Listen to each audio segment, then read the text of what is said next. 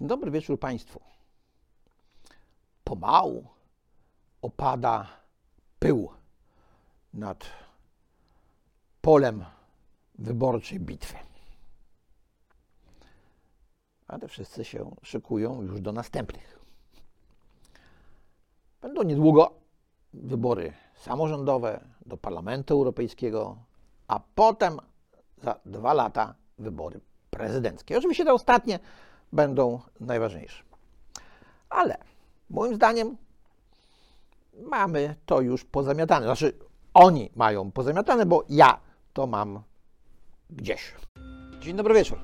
Tu Gwiazdowski mój. Robert Gwiazdowski. A mówi Interi. Zapraszam do swojego podcastu.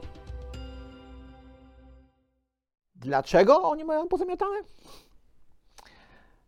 Wielokrotnie powtarzałem, że demografia się liczy. Że wystarczy spojrzeć do roczników statystycznych. No to przez te dwa lata wejdą w wiek pełnoletności, czyli uzyskają prawa wyborcze, nowe dwa roczniki wyborców.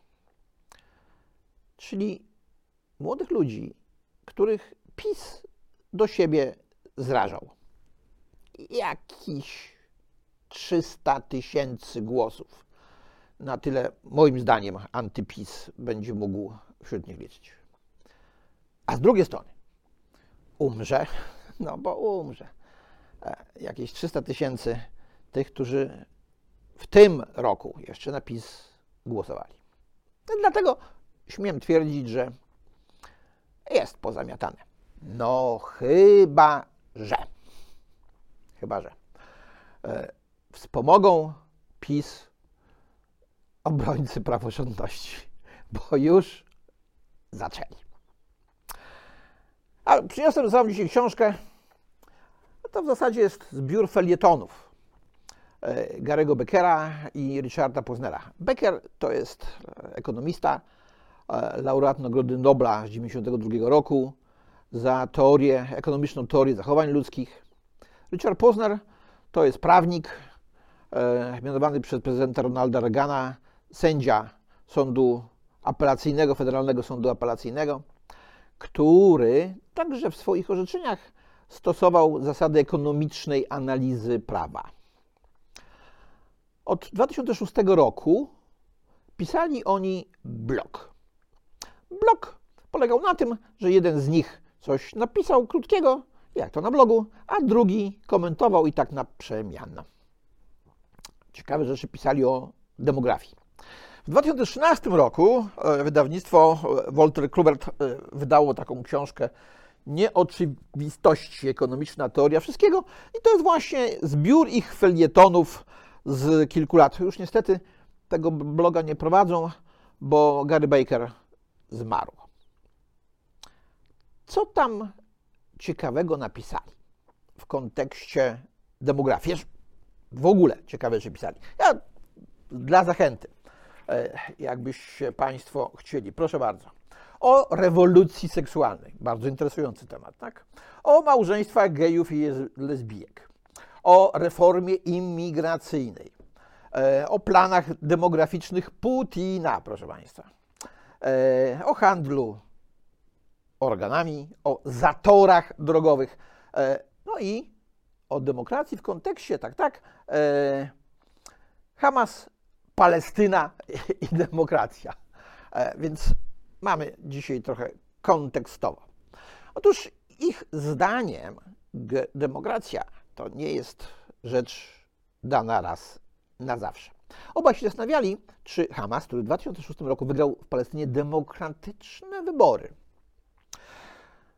będzie wspierał demokrację, czy też nie bo odróżniają dwie rzeczy. Po pierwsze, wybory demokratyczne, czyli takie, o wyniku których decyduje większość, od procesu sprawowania władzy. To tak samo jak z prawem. Mamy proces stanowienia prawa i proces stosowania prawa. też to należy wyraźnie od siebie odróżnić. Zwolennicy praworządności już wykombinowali nowy sposób stanowienia prawa. Mianowicie dowiedziałem się o to, że w drodze uchwał Sejmu, no nie ustaw, bo to jeszcze Duda przez dwa lata, nie? Więc w drodze uchwał sejmowych będą wywalać sędziów powołanych przez PiS, bo to ci niedobrzy, e, uchylać wyroki e, tych niedobrych sędziów. Co tam oni jeszcze będą robić? A, no i sędziów wywalać też, e, oczywiście. E, nie dziwię się. Naprawdę się im nie dziwię. No bo ludzka natura jest taka, że jak ktoś nas bardzo denerwuje, a PiS denerwował przez 8 lat, e, to potem łakniemy zemsty. Zemsta to jest bardzo naturalny odruch ludzki. Więc nie dziwię się, że niektórzy jej łakną. Notabene, przez te ostatnie 8 lat, kilkanaście chyba razy, e, to można łatwo sprawdzić, na przykład na Twitterze, bo tam jest taka wyszukiwarka, e, pisałem, że PiS się zachowuje tak, jakby uwierzył w słowa Władysława Gomułki, że władzy raz zdobytej nie oddamy nigdy. No, z tym, że nawet Gomułka ją oddał, mimo że próbował nie oddać i kazał strzelać do gdańskich robotników w grudniu 1970 roku, a i tak oddał. PiS, e, mimo insynuacji, tak bym powiedział, zwolenników praworządności, że będzie fałszował wybory i wyprowadził wojsko na ulicę, e, ani nie sfałszował wyborów, ani nie wyprowadził wojska na ulicę. Może po prostu nie umiał. Może chciał, a nie umiał. Ale czy tak, czy inaczej tego nie zrobił. Więc wszystkie instrumenty prawne, które stworzył dla siebie w latach 2015-2023, z lubością przeciwko PiSowi wykorzysta teraz opozycja. E, no i nie ma co PiSu bronić. Tak będzie. Volenti non fit injuria. Chcącemu nie dzieje się krzywda. Tylko jakie to ma znaczenie dla nas? No bo co prawda jestem w zdecydowanej mniejszości, tak? 74% e, wyborców wzięło udział w tej wojnie, więc znalazłem się w zdecydowanej mniejszości tych, którzy w wojnie udziału nie brali. No ale dla tej mniejszości, a to podobno prawa mniejszości są bardzo ważne w demokracji, e, nie będzie w przyszłości dobrze, bo wojna się będzie nasilała. Teraz obrońcy praworządności, którzy byli w opozycji przez 8 lat, przy pomocy pisowskich metod e, obronią praworządności, no ale potem nie wiadomo za ile, za 4, za 8, za 12 przyjdą następni. No chyba, że ci, którzy teraz wygrali, podzielają zdanie Gomułki, Władysława, że władzy raz zdobytej nie oddamy nigdy. E, kiedyś to się skończy. Cytowałem wielokrotnie Platona, który pokazywał, jak demokracja przeradza się w tyranię. Kiedyś, jak tak będziemy się rządzić, przyjdzie w końcu jakiś znany dziadersom z mojego pokolenia, z kabaretu 60 minut na godzinę Jacka Fedorowicza, gajowy marucha i zrobi z tym wszystkim porządek. No chyba, że się jakoś opamiętamy. Na to się specjalnie nie zanosi. Bo zwróćcie Państwo uwagę, e, że mamy ponoć budować społeczeństwo obywatelskie. Dobrym tego prognostykiem jest frekwencja 74%. No nigdy taka nie była. Obywatele się ruszyli. Okej. Okay. No tylko, że tym obywatelom to powiedziano, macie zagłosować, ale na ludzi, a nie na rzecz. W referendum to wy nie bierzcie udziału. Okazuje się po raz kolejny, że referendum w społeczeństwie obywatelskim to nie jest dobre rozwiązanie. Ja wiem, że pytania były beznadziejne, że były głupie, ale nie kwestionowano samych pytań. Kwestionowano samą ideę. Co prawda, zrzucano winę na to, że e, referendum w tym samym czasie co wybory, e, bo myślano, że zwiększenie liczby osób głosujących, czyli podniesienie frekwencji, będzie działało na korzyść PiS. A tymczasem działało głównie na korzyść trzeciej drogi. Podejrzewam, że gdyby obrońcy praworządności wiedzieli, że tak się stanie, to może by tak bardzo nie zwalczali idei referendum, które PiSowi miało służyć po to, żeby przyciągnąć do urn tych, którzy, jak PiS zakładał, głosowaliby na nich, gdyby poszli do tych urn. No więc poszli, ale nie zagłosowali. Bo pytania referendalne były między innymi skonstruowane tak, jak były. Aczkolwiek jedna, proszę Państwa, ciekawostka. W tym referendum jakieś 12 milionów osób wzięło jednak udział. I 11 milionów, ponad 11 milionów 300 tysięcy zagłosowało jak się opis. Czyli na przykład przeciwko realokacji przymusowej uchodźców albo przeciwko burzeniu e, tego muru na granicy z Białorusią, co to e, film tam kręcili Zielona Granica. 11,3 miliona. Tymczasem w naszej demokratycznej, postępowej konstytucji mieliśmy taką oto sytuację, że w referendum wzięło udział procentowo dwa punkty procentowe więcej. Bo frekwencja na tym referendum wynosiła niespełna 43, e, na tym konstytucyjnym, a na tym e, ostatnim niespełna 47, dwa punkty procentowe. Tylko, że za przyjęciem konstytucji głosowało 6 milionów osób z haczykiem, a jak powiedziałem, przeciwko realokacji uchodźców 11 milionów z haczykiem. To zresztą nic nowego, bo nie wiem, czy Państwo pamiętacie, że w przypadku referendum warszawskiego z 2013 roku, gdzie chodziło o odwołanie Hanny Gronkiewicz-Walc z funkcji prezydenta, też grano frekwencją. Grano frekwencją i mimo, że pytanie było jasne, oczywiste, to na tym referendum też nie byłem, e, to zniechęcano do pójścia na nie. Bo mamy w naszym społeczeństwie obywatelskim, które obrońcy praworządności będą teraz budować przy pomocy tych 75% wyborców, którzy poszli na wybory. No, może nie 75, e, bo ci z PiSu to się nie liczą do społeczeństwa obywatelskiego. To referendum, nawet jak jest wiążące, to de facto i tak nie jest wiążące, bo ono wymaga implementacji implementacji, czyli trzeba prawo jakieś stworzyć. E, no a prawo to uchwala Sejm i Senat. No, z podpisem prezydenta oczywiście. W Szwajcarii jest bardzo dobry system referendalny. Tam jest prosto. E, obywatele głosują w referendum, jakby głosowali nad konkretną ustawą.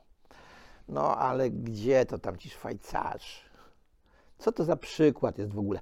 Ciekawostka jest taka, proszę Państwa, że jak sięgniemy troszeczkę głębiej do rewolucji francuskiej, to yy, uwielbiany przez demokratów Jan Jakub Rousseau też lansował koncepcję demokracji bezpośredniej.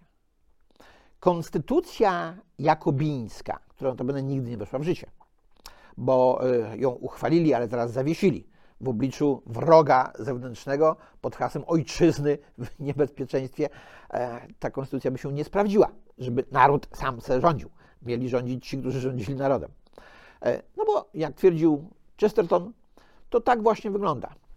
Jak ktoś jest poza parlamentem, to wtedy podziela opinię wyborców. Ale jak już się do parlamentu dostaje, e, to wtedy uważa, że naród powinien podzielać jego opinię. Wracając do referendum, e, zaczęła się sprzeczka między e, partnerami nowej koalicji, czyli lewicą, co chce aborcji na życzenie, i PSL-em, który mówi, że nie. Że za czymś takim to PSL nie zagłosuje. Było to do przewidzenia od samego początku. Ale to nie jest istotne. Co innego jest istotne, bo Kośniak-Kamysz mówi, że może zróbmy referendum w tej sprawie. I co się dzieje wśród zwolenników społeczeństwa obywatelskiego? No nie, nie, nie. Co to, to nie. No jakie referendum? Prawa człowieka nie mogą być objęte żadnym referendum. Więc chciałem Państwu powiedzieć, że inne prawa człowieka e, też nie są obejmowane referendum, bo e, żadne skuteczne referendum się u nas nie odbyło. Za to jest referendum wyborcze. Referendum wyborcze polegające na tym, że głosujemy za tymi albo za tamtymi. Aczkolwiek powiało nadzieją. Naprawdę, proszę Państwa, powiało nadzieją, bo się okazało, że ludzie poszli głosować nie jak barany na listy, tylko z tych list wybierali sobie, przynajmniej część z nich wybierała sobie tych, na których chcą głosować. No i mieliśmy kilka spektakularnych rozstrzygnięć. E, zarówno po jednej, jak i po drugiej stronie sceny politycznej, choć ta druga strona sceny politycznej składa się jeszcze z kilku podscenek. To dobrze. Dobrze, żeby tak się działo. Pojawił się pewien pomysł, który dla społeczeństwa obywatelskiego będzie miał pewne znaczenie. Mianowicie chodzi o e, przywrócenie, no nie praworządności, bo to, to, to rzeczywiście będziemy w drodze uchwał przywracać, ale przywrócenie proporcjonalności. Bo, jak Państwo wiecie, zgodnie z konstytucją wybory w Polsce są proporcjonalne. E, to znaczy, że wszystkie wybory po 1997 roku, jak już weszła w życie ta konstytucja, są sprzeczne, były sprzeczne z konstytucją, bo nie były proporcjonalne. Decyduje o tym bowiem podział na okręgi wyborcze i przypisanie do poszczególnych okręgów wyborczych e, takiej, a nie innej liczby mandatów. No i tu jest nieproporcjonalność. W miastach siła głosu obywateli jest znacznie mniejsza niż na wsiach. Tak to sobie PiS ustawił, no bo wiedział, że w miastach ma mniej do powiedzenia. Nawet to nie pomogło. Mało tego, nawet telewizja PiSowi nie pomogła. Podobnie jak nie pomogła Platformie w 2015 roku, podobnie jak nie pomogła SLD w 1997 roku, a potem w 2005 roku, jak nie pomogła komunistom w 1989 roku. Jest gdzieś próg wytrzymałości społeczeństwa. W ekonomii break-even point, tak? E, taka cienka linia, która powoduje, że po jej przekroczeniu wszystko się zmienia. Tak? Mamy zupełnie inny punkt odniesienia. Więc być może okaże się, że możemy zupełnie zlikwidować telewizję publiczną, albo przynajmniej całkowicie inaczej ją ustawić. Pojawiają się głosy, że teraz będą profesjonaliści. Na przykład w spółkach państw, Skarbu Państwa mają być profesjonaliści. E, konkursy mają być. Konkursy mają być do zarządów i rad nadzorczych. Więc ja chciałem przypomnieć, że były.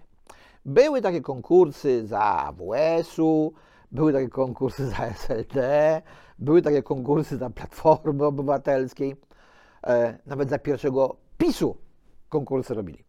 Za drugiego PiSu w 2015 roku e, nie, to już był chyba 16 rok. Jarosław Kaczyński udzielił wywiadu e, takiemu tygodnikowi Gość Niedzielny. Powiedział tak, za pierwszym razem to my wzięliśmy profesjonalistów, konkursy robiliśmy, a teraz to my wzięliśmy takich, którzy realizują nasz program, znaczy jego program. No jak realizowali, tak realizowali. Skończyło się jak się skończyło. Dla społeczeństwa obywatelskiego dosyć kiepsko się to skończyło. Czy są jakieś rzeczywiście szanse na rozwój tego społeczeństwa obywatelskiego w świetle tego, o czym piszą Baker i Posner? Owszem, owszem. Po pierwsze, musimy wziąć pod uwagę naturę człowieka, której pod uwagę nie bierzemy. E, jedni mówią, że ci drudzy to zło, a ci drudzy mówią, że ci pierwsi to zło. No, wiadomo, podział na dobrych i złych to jest podział całkowicie naturalny. E, problem polega na tym, że jakbyśmy się tak przyjrzeli różnego rodzaju teoriom, to by się okazało, że w ludziach e, to owszem, troszeczkę się tli e, idea empatii, ale jednak więcej tam jest egoizmu.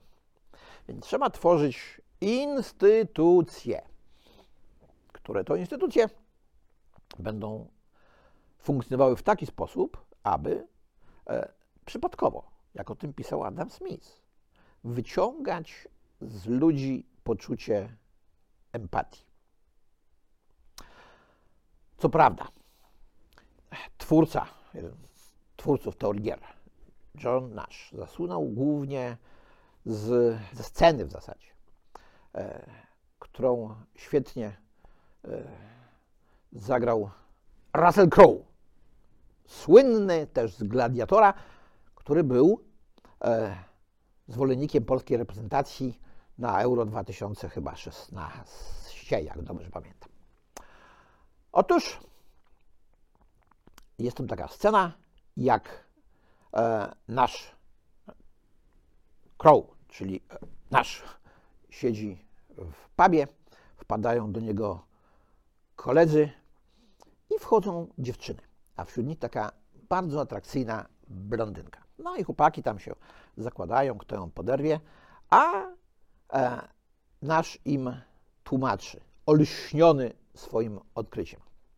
Jak wszyscy uderzymy do tej blondynki, no to w najlepszym wypadku wygra jeden. Jak inni pójdą do tych pozostałych jej koleżanek, no to każdy dostanie po nosie, bo nikt nie lubi być wyborem drugiego rzędu. Ale jak od razu uderzymy wszyscy do tych pozostałych, no to blondynka zostanie na lodzie, e, ale za to my będziemy mieć przyjemność. Więc nieprawdą jest, co mówił Smith, mówi nasz, e, że wybór tego, co jest najlepsze dla mnie, e, jest najlepszy dla pozostałych. Tylko to nie do końca tak jest. Ja wiem, że e, to trochę głupie, żebym poprawiał noblistę, ale proszę Państwa, takie myślenie oznacza, że my wybieramy coś, co jest najlepsze dla nas, tylko wybieramy w sposób racjonalny. No bo e, jeżeli wystartujemy do tych pozostałych dziewczyn, a nie do tej najatrakcyjniejszej dziewczyny, do tej blondynki, to wybierzemy najlepszy dla siebie.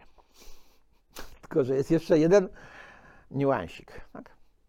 E, pasażer na gapę. Pasażer na gapę to taki, który nie stosuje się do powszechnych reguł. No bo jeżeli ktoś się wyłamie e, i do tej blondynki podejdzie, no to on wygra. Mało tego, to nie musi być nikt z naszego grona, bo przecież tam w tym pubie są jeszcze inni, prawda? Proste, proste. Więc jak będziemy tworzyć rząd, znaczy jak będą tworzyć rząd, e, to różne takie zasady e, z teorii gier dobrze by było zastosować. Dobrze by było się zastanowić, co na przykład znajdziemy e, w tak zwanym rozwiązaniu nasza. Gdzie jest punkt równowagi? Co powinniśmy robić? Bardzo dużo pisze o tym Baker, piszą Baker i Posner e, w tej książce, którą Państwu rekomenduję. Oczywiście e, ja rekomenduję całego bloga. E, blog jest po angielsku, książka jest po polsku, więc możecie się dowolnie tym wszystkim wymieniać. Jest bowiem pewna szansa, że emocje niektórych rozpalonych obrońców praworządności uda się w jakiś sposób poskromić.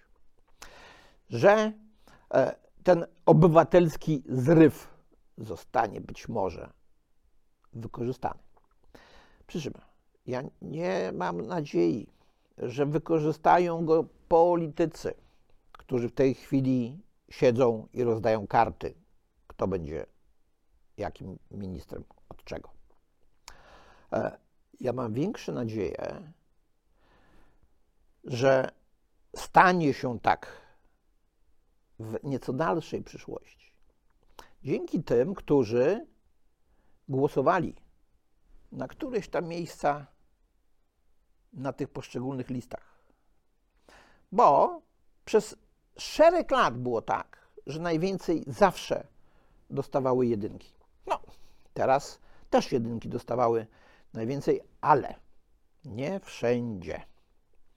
Więc tak jak dla PiSu młode pokolenie młodych ludzi jest stracone, tak mam nadzieję, że to młode pokolenie, czyli tych, którzy głosowali po raz pierwszy w tym roku, e, a potem będą znowu głosowali, oraz ci, którzy będą po raz pierwszy głosowali w niedalekiej przyszłości, e, to wiatr tego obywatelskiego społeczeństwa będzie wiał coraz silniej. Jak wprowadzono lockdown i zakazano ludziom chodzić do lasu, a po cichu handlowano maseczkami respiratorami, to wstawiałem na Facebooka, na Twittera filmiki, że chodziłem do lasu i pisałem o e, życiu wśród drzew. No bo ja do lasu mam przez furtkę w zasadzie, nawet drogi żadnej nie muszę przechodzić. To życie wśród drzew, czyli Walden, czyli Turo, czyli autor teorii civil disobedience, czyli cywilnego nieposłuszeństwa. Tak. E, jeżeli będziemy postępowali zgodnie z zasadami tego cywilnego nieposłuszeństwa, to być może ten zryw, który teraz miał miejsce, czymś pozytywnym się zakończy. Nie chcę więc pamiętać, że ten zryw, który miał miejsce, gdy umierał Jan Paweł II, też miał się zakończyć czymś wielkim, a zakończył się czymś kompletnie małym. Bo my nie umiemy wykorzystywać efektów różnego rodzaju narodowych zrywów. Zrywamy się, no ale potem e, w pracy organicznej, pracy u podstaw, to nam kiepsko idzie. Ciągle wygrywa romantyzm, a nie jakiś pozytywizm. Wokulski u nas nie ma szans. Nie tylko u Izabeli Łęckiej. Bo wybory były demokratyczne. Wygrali ci, co wygrali. Ale znowu wracając do Bakera i Poznera, w 2006 roku w Palestynie też były wybory demokratyczne. Oczywiście, my jesteśmy w innej sytuacji. My jesteśmy w Europie. Tylko, że to referendum którego dwa punkty miały w zamyśle PiS służyć temu, żebyśmy rzeczywiście dalej pozostawali u siebie i nie mieli takich problemów, jakie mają w Szwecji, w Danii, we Włoszech, we Francji. Okazało się niewiążące. Więc jak będzie, nie wiadomo. Bo ta natura ludzka, o której wspominałem, kształtowana jest na dwa sposoby, o których kiedyś tam powiem. Po pierwsze przez geny, a po drugie przez wychowanie. Z wychowaniem to jest jednak tak, że ciężko coś zmienić, jak już ktoś raz został jakoś tam wychowany. A będę o tym mówił dlatego, że na Twitterze doszło do sporów na ten temat. Czy więcej w nas genów, czy więcej w nas społecznego wychowania. Tak trochę w związku z bateriami politycznymi, ale też tak trochę obok tych batalii politycznych. No i jeszcze jedno. E, też już o tym w internecie pisałem. Skoro wygrała praworządność, to mam nadzieję, że Naczelny Sąd Administracyjny rozpatrzy w końcu skargę kasacyjną Poczty Polskiej od wyroku Wojewódzkiego Sądu Administracyjnego w Warszawie, który stwierdził nieważność decyzji premiera Morawieckiego o powierzeniu Poczcie Polskiej przeprowadzenia wyborów kopertowych prezydenta Rzeczpospolitej w roku 2020 z powodu rażącego naruszenia prawa. Dlaczego to podkreślam? Bo wielokrotnie tutaj Państwu mówiłem o ofiarach ulgi meldunkowej. E, co prawda, ostatni z nich wygrali swoje sprawy, bo po iluś tam latach udało się przekonać Naczelny Sąd Administracyjny, że przez ileś tam lat orzekał sprzecznie z konstytucją. E, no i teraz ci, którzy wcześniej przegrywali, liczyliby na to, żeby jakoś może wznowić ich postępowanie, oddać im te pieniądze, które e, nienależnie im zabrano. No ale się okazuje, że te wszystkie decyzje nie naruszały rażąco prawa. Więc bardzo jestem ciekaw, jak Naczelny Sąd Administracyjny, notabene, którego sędzią jest pan sędzia Marciniak, przewodniczący PKW, którego dymisji z PKW, ale no nie z Naczelnego Sądu Administracyjnego, domagają się obrońcy praworządności, wytłumaczy różnicę między rażącym naruszeniem prawa i nierażącym. To bardzo dobry test będzie dla praworządności. Czy mówimy tylko i wyłącznie o ustroju, o sędziach, czy mówimy też o jakichś ofiarach fiskusa, jakichś nauczycielach, lekarzach, strażakach. Na dzisiaj to tyle. Zapraszam w przyszłym tygodniu na kolejną pogadankę. Dziękuję bardzo. Na dziś to już by było na tyle. Dziękuję bardzo i zapraszam na następny odcinek.